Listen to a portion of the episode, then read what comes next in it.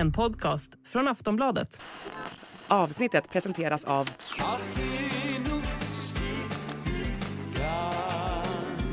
Stödlinjen.se, åldersgräns 18 år. Hej och välkomna till Kungligt. Jag heter Sara Eriksson. Och jag heter Jenny Alexandersson. Prinsessa Madeleine har fått ett nytt och spännande uppdrag i Sverige och världsartisterna nobbar att uppträda på kung Charles kröningskonsert. Enbart ett fåtal stora stjärnor har nu tackat ja. Och vi ska även prata om tystnaden från prins Harry och Meghan som har rått ett tag nu. Men nu dyker han upp i flera intervjuer igen och det är efter att hans popularitetssiffror har dalat i USA. Och vi berättar även om Sarah Fergusons enorma lyxköp i prinsessa Madeleines gamla kvarter. Men vem har betalat?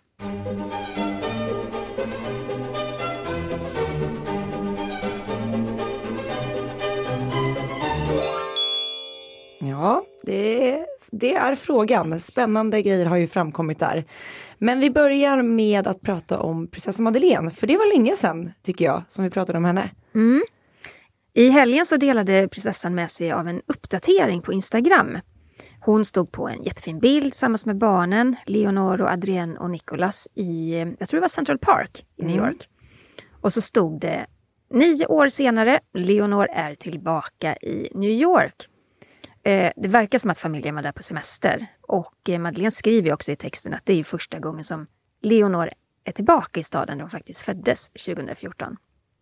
Ja, och det här är ju en plats eh, som har betydit väldigt mycket för prinsessa Madeleine i hennes liv. Så det är kul att de nu kan eh, besöka den igen och nu tillsammans med, med barnen. Ja, jag minns faktiskt då när hon bröt förlovningen med Jonas Bergström. Och hon, eh, det var ju lite av en, eh, en planerad, inte kupp ska jag inte säga, men en, en väl, planerad händelse. Mm. I den stund som prinsessa Madeleine klev på planet till New York, när hon var innanför planets port, eller vad säger man, dörr. Mm. Port? Nej, plan inga portar. Nej, men när hon hade klivit på planet så skickade hovet ut ett pressmeddelande om att hon kommer då tillbringa en period i New York. Och eh, det var otroligt väl bevakat det här. Eh, både vi och Expressen tror jag hade fotografer på Arlanda. Vi hade fått tips om att hon skulle flyga med just den här flighten.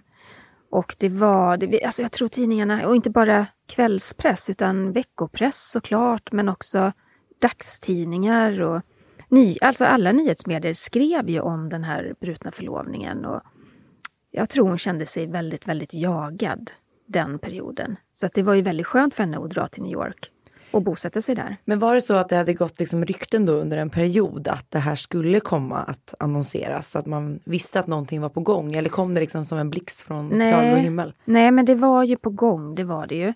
Och eh, allting började ju med att norska Se och Hör hade det här reportaget om en norsk eh, ung tjej som då hade tillbringat eh, en natt eller en kväll med Jonas Bergström uppe i... Var det Åre va? Det var nog Åre, Mm. ja. Och sen exploderade allting. Och jag fick höra att det här reportaget med henne hade gjorts ganska mycket tidigare. Men att det publicerades efter att de var förlovade. Jag vet inte riktigt om det stämmer, det var, men det var, såna, det var så snacket gick lite grann. Mm. Det kan ju bara norska Se Hör eh, säga någonting om. Men hur som helst så det blev ju en enorm grej. Det var en världshändelse, den här kungliga brutna förlovningen. Mm.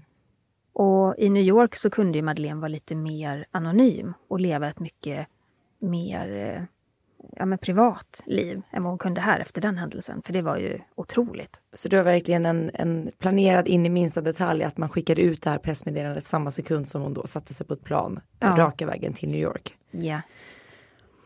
Men, eh, men som sagt, hon hade ju många vänner i New York där, bland annat eh, Louisa De Geer och, och flera andra. Så att det var ju en trygg plats för henne.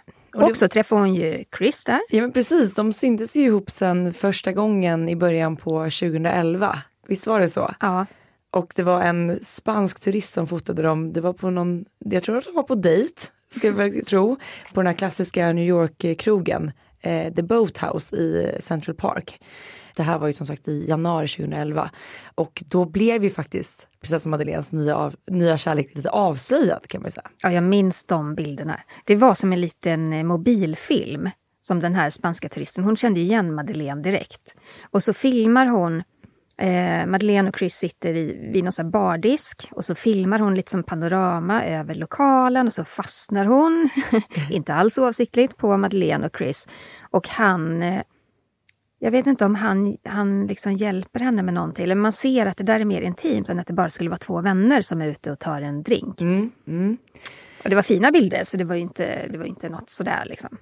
Och sen så blev vi faktiskt, eh, ja men de blev ett par och de förlovade sig och sen så blev de kvar i New York och det var ju också där som deras eh, dotter prinsessan Leonor föddes.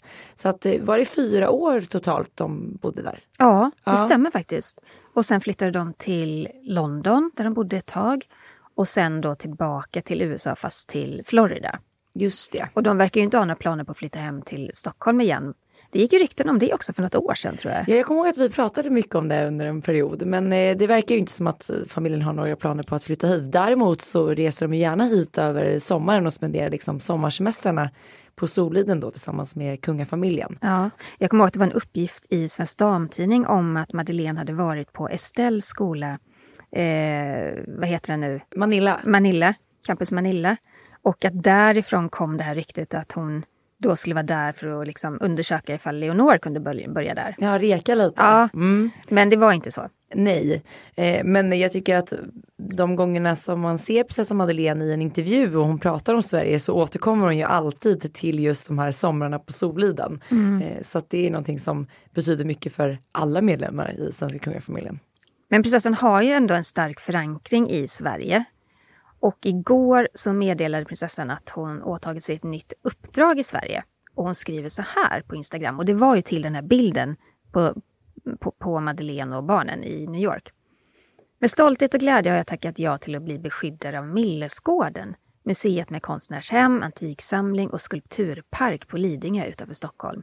Millesgården är en fridfull plats som jag tycker mycket om att besöka när jag är hemma i Sverige. Bland Carl Milles skulpturer och pålande fontäner finner jag inspiration och glädje. Men då är frågan ifall att det här innebär att hon kommer att vara mer i Sverige nu eller är det mest av symboliskt värde? Ja, men just nu känns det ju mest symboliskt. Mm. Jag har inte några indikationer på att hon skulle flytta hem på något sätt. Men jag menar, för Millesgården är det ju jättemycket värt ändå att ha henne som, som beskyddare, även om hon inte bor i Sverige. Vad, vad tror du? Jo men så är det ju och det är ju ganska så vanligt med de här kungliga beskyddarskapen och det sätter ju liksom ett, ett ytterligare eh, strålkastarljus eh, oavsett vad det handlar om. Så det är klart att det betyder mycket för, för dem att få se då prinsessan Madeleine som beskyddare för deras verksamhet. Däremot kan jag tänka mig att när hon väl är i Sverige så kommer hon att besöka Millesgården. Ja, Definitivt. Så att alla ni som gillar att åka dit kanske får en skymt av henne. jag har aldrig varit där, jag har tänkt flera gånger att jag vill åka dit, det ser ju otroligt vackert ut. Ja, det är superfint. Det är helt otroligt. De har ju också någon trevlig restaurang där och café och sådär. Jag var där när eh, eh, Marianne Bernadotte hade väl någon Ja. utställning där? hon hade en utställning där med sina kläder och då var kronprinsessan där och invigde den utställningen. Och det var faktiskt jättefint för att då hade de ju ställt upp de här kläderna på olika såna här provdockor och sånt bland statyerna och liksom i den här miljön. Mm. Det var jätte, jättefint. Ja, nej, det får bli ett besök eh, där känner jag under våren. Mm. Vi lämnar Sverige och tar oss till Storbritannien för att eh, det närmar sig kröning i London. Den 6 maj så kröns kung Charles i Westminster Abbey och det gör ju även drottning Camilla. Och en hel del detaljer har ju redan offentliggjorts faktiskt. Eh, det är inte så lång tid kvar nu. Man tänkte så länge att det var långt bort. Ja. Men det blir liksom mars imorgon. Ja, ja visst. Ja. Och det finns vissa saker som eh, vi vet, bland annat att Charles vill ha en mindre kröning. Han har förkortat tiden från fyra timmar som drottning Elizabeth hade till runt en timme.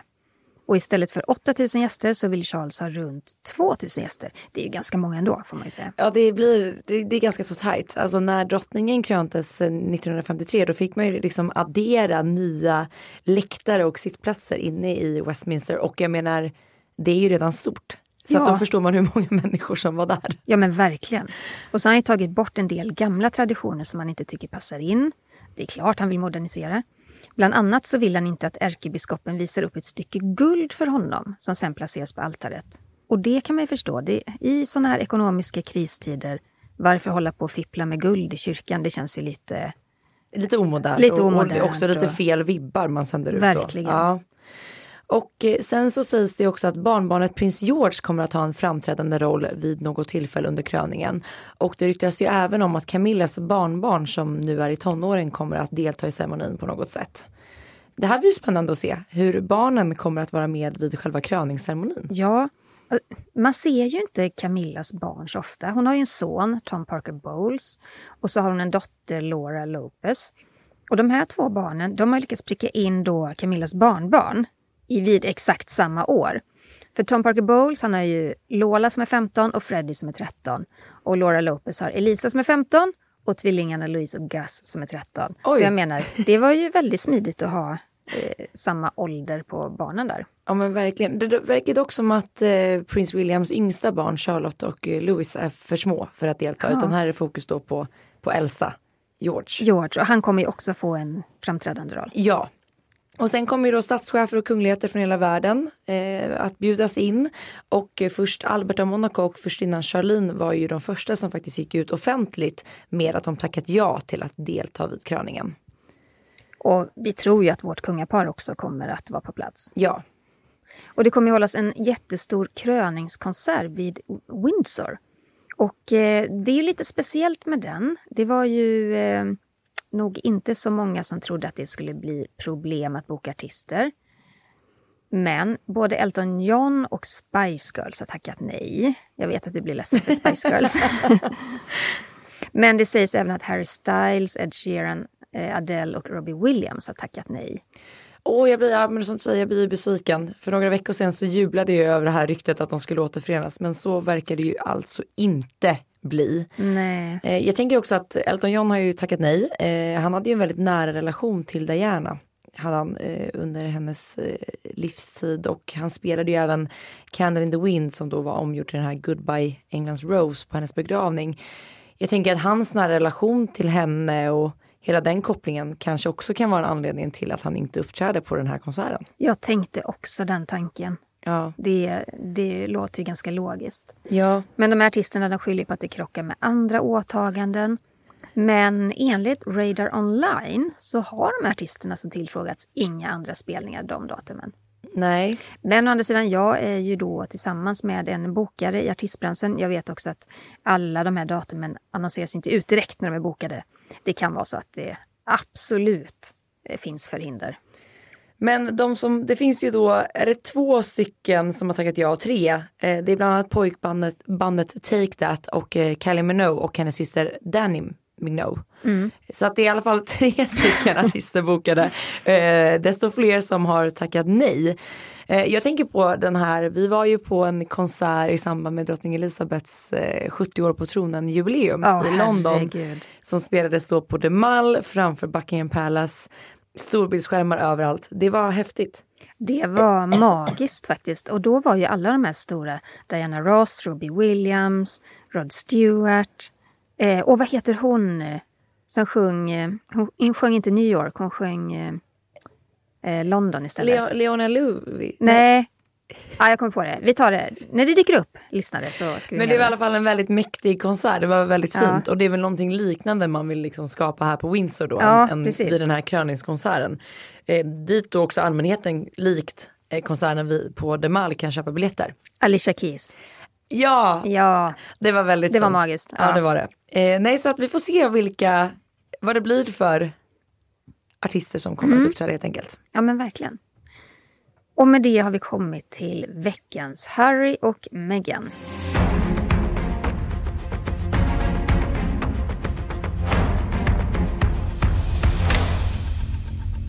I slutet av 2022 så släppte ju Harry och Meghan sin dokumentär på Netflix och bara några veckor senare så kom ju Harrys självbiografi The Spare, eller Den andra som den heter på svenska. Och i samband med boklanseringen så då såg vi prins Harry. Han medverkade ju i hur många intervjuer som helst. Och vi har ju pratat mycket om dokumentären, vi har pratat mycket om boken. Vill du veta mer om det och höra vårt snack kring det så kolla i poddarkivet. En avsnittet heter Harry och Meghans attacker och det andra heter Min pappa ljuger. Ja, och efter den här, liksom, eh, som du säger, det var ju hur många intervjuer som helst, så har det faktiskt varit tyst. Man har inte sett någonting från varken prins Harry eller från Meghan. Men enligt flera brittiska medier så kommer nu prinsen att dyka upp i eh, Stephen Colberts Late Show igen. Han medverkade i programmet i januari då han bland annat avslöjade att han, han tittade på The Crown och faktacheckade faktiskt de här avsnitten. Och eh, sen tyckte jag det var lite roligt att han drack tequila tillsammans med programledaren. Det här, anledningen till att de drack tequila är ju för att Harry själv då avslöjade i sin bok hur många tequila shots han drack innan han då förlorade oskulden med en, som man kallar, äldre kvinna bakom en pub. Så att det var blev... det 19? Nej, Jo, men hon det var 19. Hon köpte en bricka med 19 shots. Ja, jag förstår inte. Jag tror att jag skulle behöva åka ambulans om jag drack 19 ja. shots. Förhoppningsvis var det till fler. Ja, exakt. Bara de två. Men det var i alla fall i den intervjun han medverkade. Eh, men nu sägs det då att det ska visas en ytterligare intervju eh, torsdagen den 28 januari. Och den ska då spelas in i samband med Harrys medverkan tidigare i år. Det kommer dock vara ett annat segment den här gången ryktas det om. Ja, det är ju det här segmentet som kallas för Colbert Questioner. Och programledaren ställer en rad frågor till sina gäster. Och eh, de frågorna är kända för att vara ganska så hårda. Och enligt brittisk press så väljer man att sända inslaget nu eftersom Harry och Meghans eventuella närvaro vid kröningen diskuteras flitigt. Men inte bara där som Harry kommer att dyka upp, han ska även vara med i en livesändning på nätet tillsammans med författaren Gabor Maté för att göra reklam för sin bok då, den andra. Och det är via Prinsens förlag, eh, vad heter det? Penguin... Pe eh, Penguin Random House. Ja, och sändningen startar då vid femtiden på eftermiddagen i Storbritannien den 4 mars. Så att nu känns det som att man kanske, det var väldigt mycket reklam och PR kring boken, nu har det här svalnat av lite. Nu kommer en ny Och nu turné. måste man liksom göra en ny turné, en ny ride för att lyfta boken igen. Mm. Och enligt Daily Mail så deltar Harry just på grund av att man har märkt av de här försämrade siffrorna i prinsens popularitet och särskilt i USA. Och det här tycker jag, när jag läste det, jag blev lite förvånad för att popularitetssiffrorna har sjunkit sedan boken kom ut. Och det är ju lite speciellt i och med att de har gjort så otroligt mycket PR för den. Och de ligger under skandalprinsen Andrew, alltså Harrys farbror som stod anklagad för våldtäkt. Det är ju ganska signifikant. Alltså man menar då att, att Harry och Meghan är mindre, mindre populära, populära än prins Andrew? Ja. Och nyligen så, så såg vi ju Harry och Meghan bli ganska så hånade och roastade i South Park. Så att det känns som att vinden har vänt lite grann för dem. Och ämnet då för det här eventet det är att leva med förlust och vikten av personlig läkning. Så det är i alla fall något som ligger Harry varmt om hjärtat. Och under den här livesändningen då får de som har köpt biljetter till det, till det digitala eventet, de får då ställa frågor live till prinsen. Men det råder extremt strikta regler kring vem som får fråga hur man får fråga och om vad man får fråga. Ja, för det var precis, det låg, den frågan låg på min tunga när du nämnde att man skulle få ställa live-frågor, för det skulle kunna bli rena rama High Chaparral i en, i en livechatt om folk fick fråga vad de ville till Harry. Så att det där är såklart kontrollerat och noga utvalt. Mm. Det kostar pengar, det gör det. Eh, 210 kronor får man hosta upp om man vill delta i eventet. Eller 503 kronor, för då får man boken också. Och frågorna som kommer in då, de sorteras av en moderator såklart. Och så väljer man då bara ut de som prinsen kan tänka sig svara på. Man får absolut inte spela in sändningen. Det står en stor varningstext på den här inbjudan. För då får man aldrig mer vara med vid sådana här event som förlaget håller. Men så är det klart det kommer spelas in. Ja, och jag tänker oavsett om man inte får spela in så är det självklart att det kommer ju vara människor med knytning liksom till ja, men press eller källor och så vidare. Det här kommer ju läcka ut oavsett om någon spelar in det eller inte. Så är det ju. Ja, alltså det är väl en naiv önskan av förlaget att det inte ska spridas. Kanske med en livesändning via livesändningen. Nej. Men det är klart att folk kommer sitta och spela in ljud och bild, det är jag helt övertygad om. Och den här sänds då alltså 4 mars, vilket är på lördag. Så det ska bli spännande att se vad som framkommer i den här livesändningen och vilken typ av frågor som Harry kommer att svara på. Men det är intressant att man väljer att ta till just den här typen av evenemang och, och event för att då, ja men dels göra reklam för boken men kanske också för att det känns som att Harry vill kanske ta ikapp lite gällande de här siffrorna nu. Ja, och de har ju ett sånt enormt PR-team bakom sig. Så jag tänker också att det här teamet jobbar ju hela tiden för att få upp popularitetssiffror, få upp försäljningssiffror sätta de här två personerna i relevant, relevanta sammanhang hela, hela tiden. Det är ju inte kungligheter vi pratar om längre på det viset. Nu är det ju en vanliga kändisar vi mm. pratar om. Mm. Alltså de agerar ju som kändisar gör. Jag tänker också i och med att man väljer att sända det här klippet från eh, The Late Show eh, nu. Frågan är ju då om det kommer att komma upp frågor som då rör kröningen i och med att det är det som diskuteras väldigt flitigt just nu, framförallt i Storbritannien. Ja, kanske. Vi kommer ju givetvis att hålla koll på detta och hålla er uppdaterade. Men kröningen då, Sara? Ja. det sker den 6 maj. Yes. Och eh, vi har ju läst i nästan alla brittiska tidningar vi kommer över att, eh, och det här verkar ju inte vara något påhitt, utan det verkar verkligen vara så.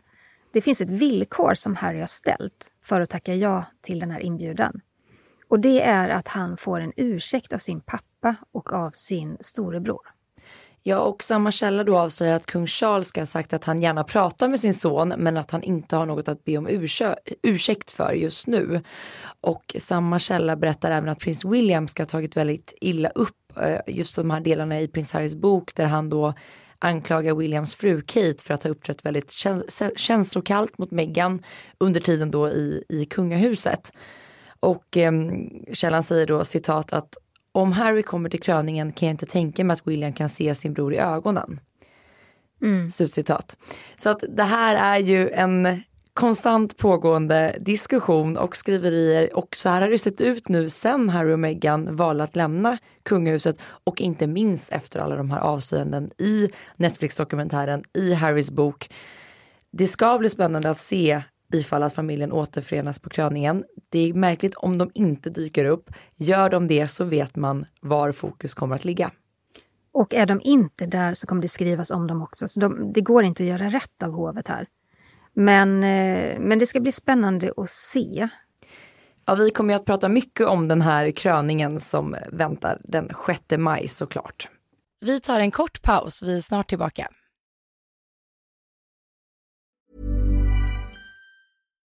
Millions of people have lost weight with personalized plans from Noom. Like Evan, who can't stand salads and still lost 50 pounds. Salads generally for most people are the easy button, right? For me, that wasn't an option. I never really was a salad guy. That's just not who I am. But Noom worked for me.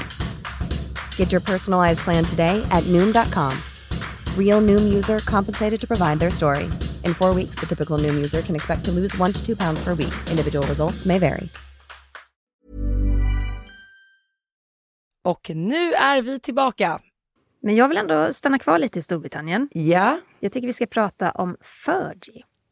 Eh, det är ju så här, förra veckan så berättade vi i podden att eh, kung Charles har bestämt att prins Andrew troligtvis inte längre ska få ta del av de här tre miljoner kronor som han årligen fått av kungen. Det är ju pengar som kung Charles får via sitt hertigdöme Lancaster. Och det är en ganska saftig summa som landar regelbundet hos kungen och som han sen då portionerar ut till familjemedlemmar. Och tidigare så fick Andrew ta del av pengar från apanaget, men det får han inte sen 2019 då kom ju alla de här anklagelserna om våldtäkt och rättsprocesserna och sådär. Så då bestämde ju drottningen att han ska inte vara en arbetande kunglighet längre. Då får han inte heller ta del av apanaget. Men, och det sa vi också förra veckan, kung Charles har ju då förvarnat om att han vill även strama upp betalningarna, alltså utbetalningarna till familjen från hertigdömet Lancaster. Det innebär ju att prins Andrew kan komma att bli av helt med sina pengar. Och blir han det så kan det ju bli svårt för honom att bo kvar och sköta om Royal Lodge där han då bor tillsammans med Fergie, hans exfru. Eh, Prins Andrew kommer ju såklart inte att bli hemlös. Det finns ju mindre bostäder som inte kostar lika mycket i drift för att eh, Royal Lodge är ju dels ett väldigt stort hus. Det är väldigt mycket mark som tillhör den här eh, fastigheten och det är liksom helt enkelt dyrt att driva runt det här. Eh, det finns ju sagt mindre bostäder som inte kostar lika mycket som man kan flytta till och dessutom så har ju Fergie en lägenhet. Och det är den vi ska prata om. Ja. Det är nämligen så här att det har framkommit dokument till Mail on Sunday som visar att det kanske inte är så att det är Fergie som äger den egentligen. Det är så att parets döttrar, prinsessorna Beatrice och Eugenie, har kontroll över sin mammas lägenhet. Det var ju ganska många som förra sommaren blev lite så här ställda och chockerade över att Fergie hållade upp 50 miljoner kronor. Eller var det 55 till och med? 55, närmare 55 fem- miljoner kronor efter att då ha köpt en lägenhet i ett av Londons mest exklusiva områden, Belgravia. Och eh, när jag bodde i London så bodde jag absolut inte där. Men jag passerade det här områ- området när jag var till och från min lägenhet. Man såg ju väldigt många kändisar i de här områdena, eh, området och jag såg även prinsessan Madeleine med familj flera gånger. För de bodde ju i samma område under tiden de bodde i London. Och till saken hör ju också att Fergie har ju varit bankrutt innan. Hon har haft det oerhört tufft ekonomiskt. Det har varit en lång körare i brittisk press det här också om hennes ekonomi. Eh, nu tjänar hon väl pengar på sina böcker lite grann, men eh, hon har ju till och med försökt att sälja in Eh, hon blev ju lurad av en, vad hon trodde var en saudisk affärsman som visade sig vara en då förklädd reporter som ville sälja, alltså han ville komma i kontakt med kungafamiljen. Och hon skulle då sälja den kontakten för, ja det var jättemycket Allt pengar. det där bandades ju och det blev ju en enorm skandal, när det här Skandal. kom ut. Hon har ju själv sagt att hon är bankrutt, alltså uttryckt sig så och Ja. att hon endast tjänar pengar på sina böcker. Eh, Så att som sagt, det var många som blev förvånade när hon då dundrade till med en lägenhet för över 50 miljoner i London. Men dokumentet då som något Mail on Sunday visar att döttrarna de behöver godkänna en eventuell försäljning i framtiden av den här lägenheten. Och det visar ju på att det är ju de som har gått in med pengar vid köpet. Det är de som står som, som legala ägare helt enkelt. Så kanske blir det så att eh, Andrew och eh, Fergie, om de fortsatt vill bo ihop, flyttar till den här lägenheten. Det kan ju inte vara något, det är ju inget litet kryp in tänker jag. Nej, det de är det verkligen inte. Nej. Så det känns som att man får plats två personer där. Ja, och så bor de ju rätt ståndsmässigt då i Belgravia, så det skulle ju inte heller vara... Det är klart att ett nerköp och lämna ett stort eh, gods, men eh, de skulle säkert trivas där också. Vi får se helt enkelt vad det blir av Royal Lodge nu när kungen skär ner på omkostnaderna, vilket också är en del i liksom nu att modernisera och eh, ja, men kapa grenar lite som man har gjort i övriga kungahus runt om. Mm. Eh, kommer ni ihåg, kära lyssnare, att vi pratade om Diana, alltså 32 privata brev som Diana skrivit till ett eh, kompispar.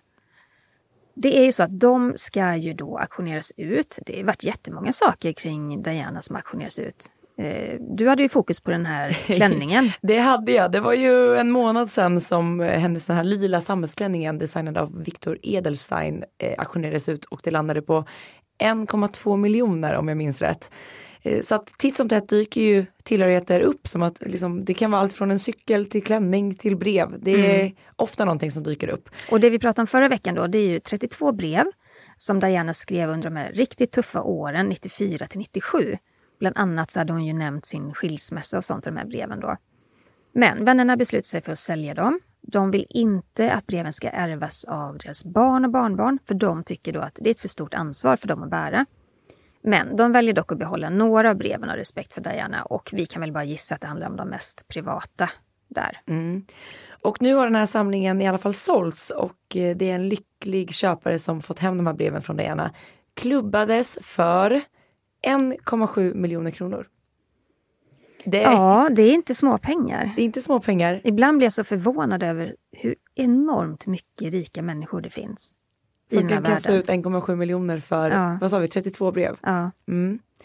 Men det, jag tycker alltid att det är lite så här, det, jag tycker att det är lite fascinerande och lite spännande att följa de här aktionerna när det gäller Dianas tillhörigheter. Var det inte några, några år sedan vi pratade om någon gammal tårtbit som såldes också? Någon ja, här, från deras bröllop. Ja. Och hennes bil såldes ju också. En av hennes bilar. just det. Någon liten Mazda eller vad det var såldes också. Så jag tycker att det är spännande att följa den här typen av aktioner. Ja, och nyligen så annonserades det ut ett, att ett brev som kung Charles skrivit till sin farmor, drottningmodern, ska auktioneras ut. Och där var startpriset runt 25 000 kronor tror jag.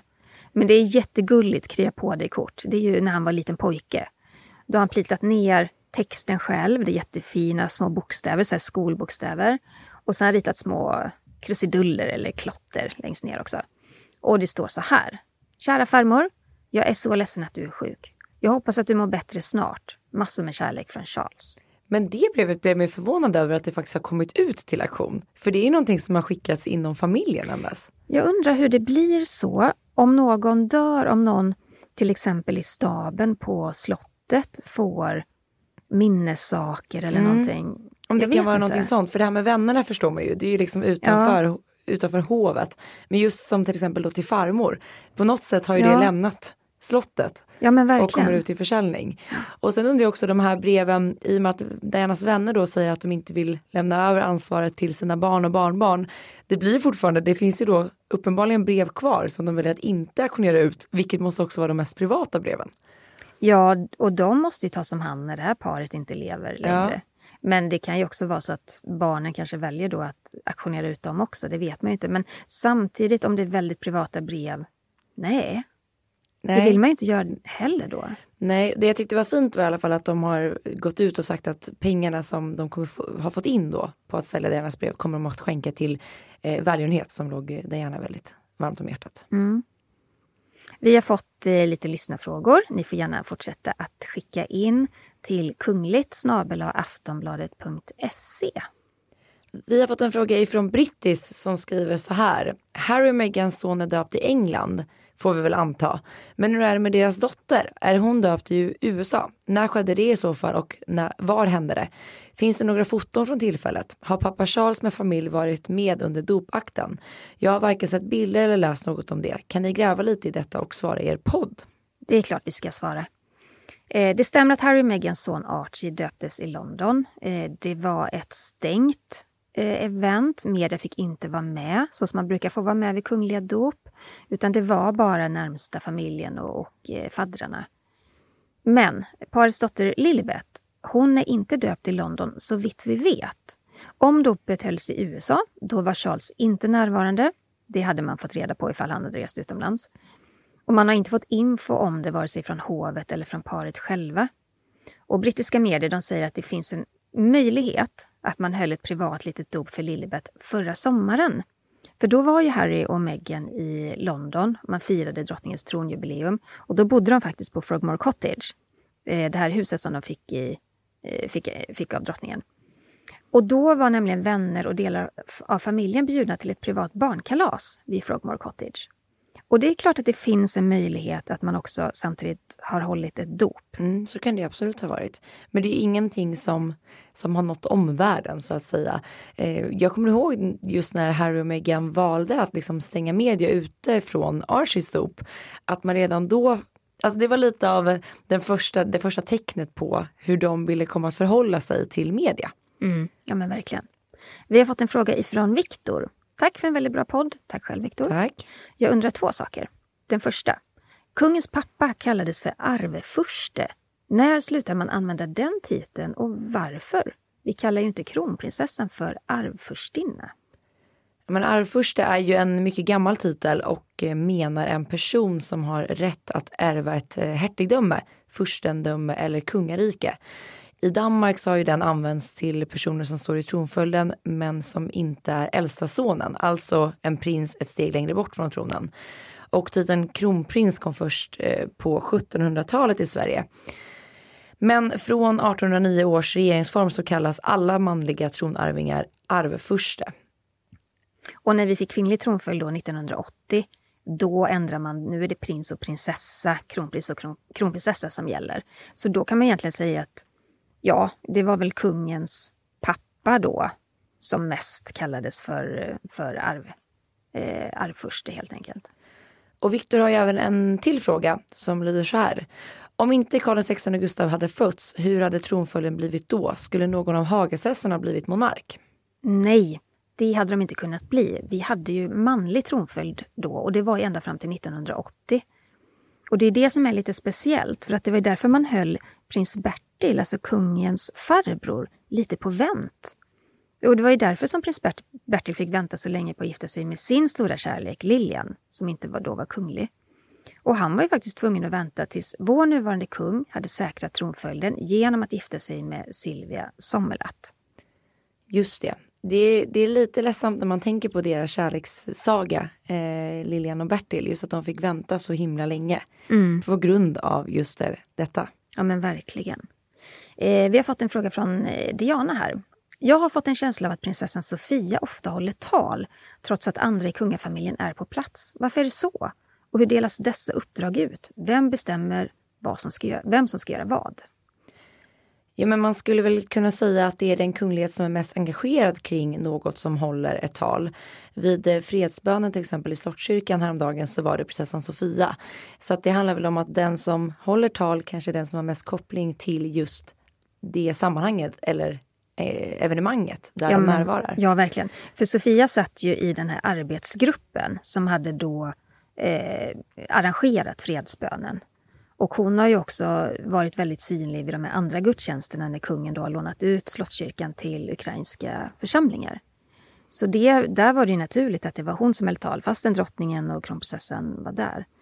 Och det var det måste jag också säga, det var ett helt otroligt event. Jag tänkte precis fråga dig hur det var. Vi har inte hunnit prata om att du närvarade där i fredags. Nej, men det var, det var fantastiskt. Jag vet inte riktigt hur jag ska beskriva det för att otroligt berörande och känslomässigt. Det var ju en bön som hölls, men det var också en, en predikan och då var det en ukrainsk eh, pastor eller präst som var ditbjuden. Och han kom ifrån Butja, du vet det här området som var så otroligt drabbat av ryssarna. Och eh, det var nog mer ukrainare i Slottskyrkan än, än svenskar tror jag. Och eh, allting startade, själva den här stunden startade med att en väldigt ung pojke med väldigt ljus och vacker röst ställde sig framme vid altaret och sjöng. Och han sjöng den här låten, åh, vad- jag kan inte titeln utan till nu, men det är någonting om floden Dnepr. Jag kan inte ens uttala det flodnamnet rätt, ursäkta mig alla. Men det är en ukrainsk folkvisa och när man hör den så känner man igen den, för man har hört den ganska mycket. Och den här ljusa pojkrösten som fyller hela det här kyrkorummet, det var så drabbande. En kvinna framför mig, alltså hon, hon skakade så för att hon grät så himla mycket. Och man såg människor liksom torka tårar och eh, det var en man, en ung man och hans fru antar jag att det var, som satt några rader framför mig också som bredde ut en ukrainsk flagga på, på bänken framför, alltså ryggstödet till bänken framför. Och när den här pojken började sjunga då så kunde inte han hålla sig utan han böjde sig ner mot den här flaggan och så tryckte han liksom sin ena knytnäve hårt mot pannan och han satt så länge på det viset. Och det är svårt att förklara vad som hände där inne men, men det var nog ingen som inte grät någon gång och kungafamiljen var väldigt, väldigt berörda efteråt. Och när det var då egentligen planlagt att de skulle, när gudstjänsten var slut, att de skulle lämna Slottskyrkan så gjorde de inte det utan de gick fram då till altaret. Och då blev det som ett spontant mingel för de ville ju tacka alla körerna och musikerna och den här prästen också. Och Michael Björkhagen då som, var, som han är då pastor i hovförsamlingen, han var ju också med i det här. Och det blev eh, otroligt fint, måste jag säga. Det var... Och då var ja, prins, prinsessa Madeleine och prins Carl Philip var ju de som stannade kvar längst då, i och med att hon varit så engagerad i detta. Prinsessan Sofia. Ja. Vad sa jag? Madeleine. Nej, vad sa jag Madeleine? Ja. Nej, men prinsessa Madeleine. Nej, prinsessa Sofia. Nu har vi pratat om Madeleine. Ja, inte blanda ihop här. Men, men det, det var... Jag tror, jag tror inte jag kommer uppleva något sånt på det viset. Och jag, jag är ingen van kyrkobesökare, det är jag inte. Det var, det var speciellt. Ja, nej, det, såg, det såg väldigt fint ut och också väldigt känslosamt. Och jag tycker att det är det är så fint att, att kungafamiljen tar sig tiden, som du säger, att stanna kvar och verkligen tacka och ta sig tiden för de här människorna. Det betyder mycket. Ja. Mm. Ska vi ta en ytterligare lyssnarfråga innan vi rundar av veckans podd? Det gör vi. Vi har fått en fråga från Jenny här som skriver Tack för en spännande och intressant podd. Tack själv Jenny. Tack själv. Barnen i kungafamiljen döps ju in i Svenska kyrkan. Men vad händer om Estelle exempelvis får barn med en muslim? Åh, det är så spännande frågor som ni skickar in. Mm. Vi gillar det. Eh, så här, det står i vår successionsordning att kungafamiljen måste bekänna sig till den kristna tron. Så är det, det är vår grundlag. Det går inte att rucka på. Då får man göra om hela grundlagen. Då är det så här, då får ju Estelles muslimske eh, man, eller kvinna, eh, vad hon nu väljer då. Eh, han eller hon får helt enkelt gå med på att barnet döps i den svenska kyrkan för att ha en rätt att vara en del av tronföljden. Så där finns det ingenting att eh, välja mellan om de vill att barnet då ska vara eh, blivande kung eller drottning av Sverige. Så där får ju då den här muslimska personen anpassa sig. Eller, det finns ju också ett annat alternativ, att Estelle väljer att, eh, eh, att inte göra det, men då förlorar ju det här barnet platsen i tronföljden och får en helt annan framtid än vad, vad som är tänkt. Och är då Estelle eh, fortsatt då tilltänkt och själv är en del i tronföljden så kommer ju då inte tronföljden att vara säkrad med det. Nej, då, om, om hon får ett barn till och det är samma sak där så är det, då är det kört. Mm. Då går det över till Carl Philip. Just det. Mm. Ni får jättegärna skicka fler frågor. Eh, kungligt aftonbladet.se. Ja, vi blir så glada när ni skickar in frågor till oss så fortsätt gärna att göra det. Och vill ni ha dagliga uppdateringar med Kungligt så följer ni oss, eh, följer ni oss på Instagram. Där hittar man dig under namnet Kungligt med Jenny. Och du då? royalistan.se. Tack snälla för att ni har lyssnat på veckans avsnitt av Kungligt. Vi hörs igen nästa vecka. Hej då! Hej då!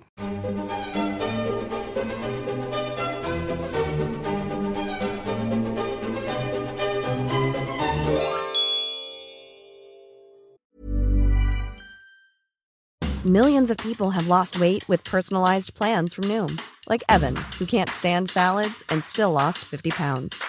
Salads, generally, for most people, are the easy button, right? For me, that wasn't an option. I never really was a salad guy. That's just not who I am.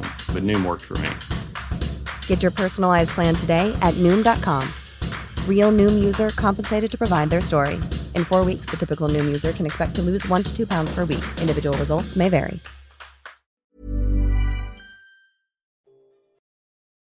Du har lyssnat på en podcast från Aftonbladet. Ansvarig utgivare är Lena K Samuelsson.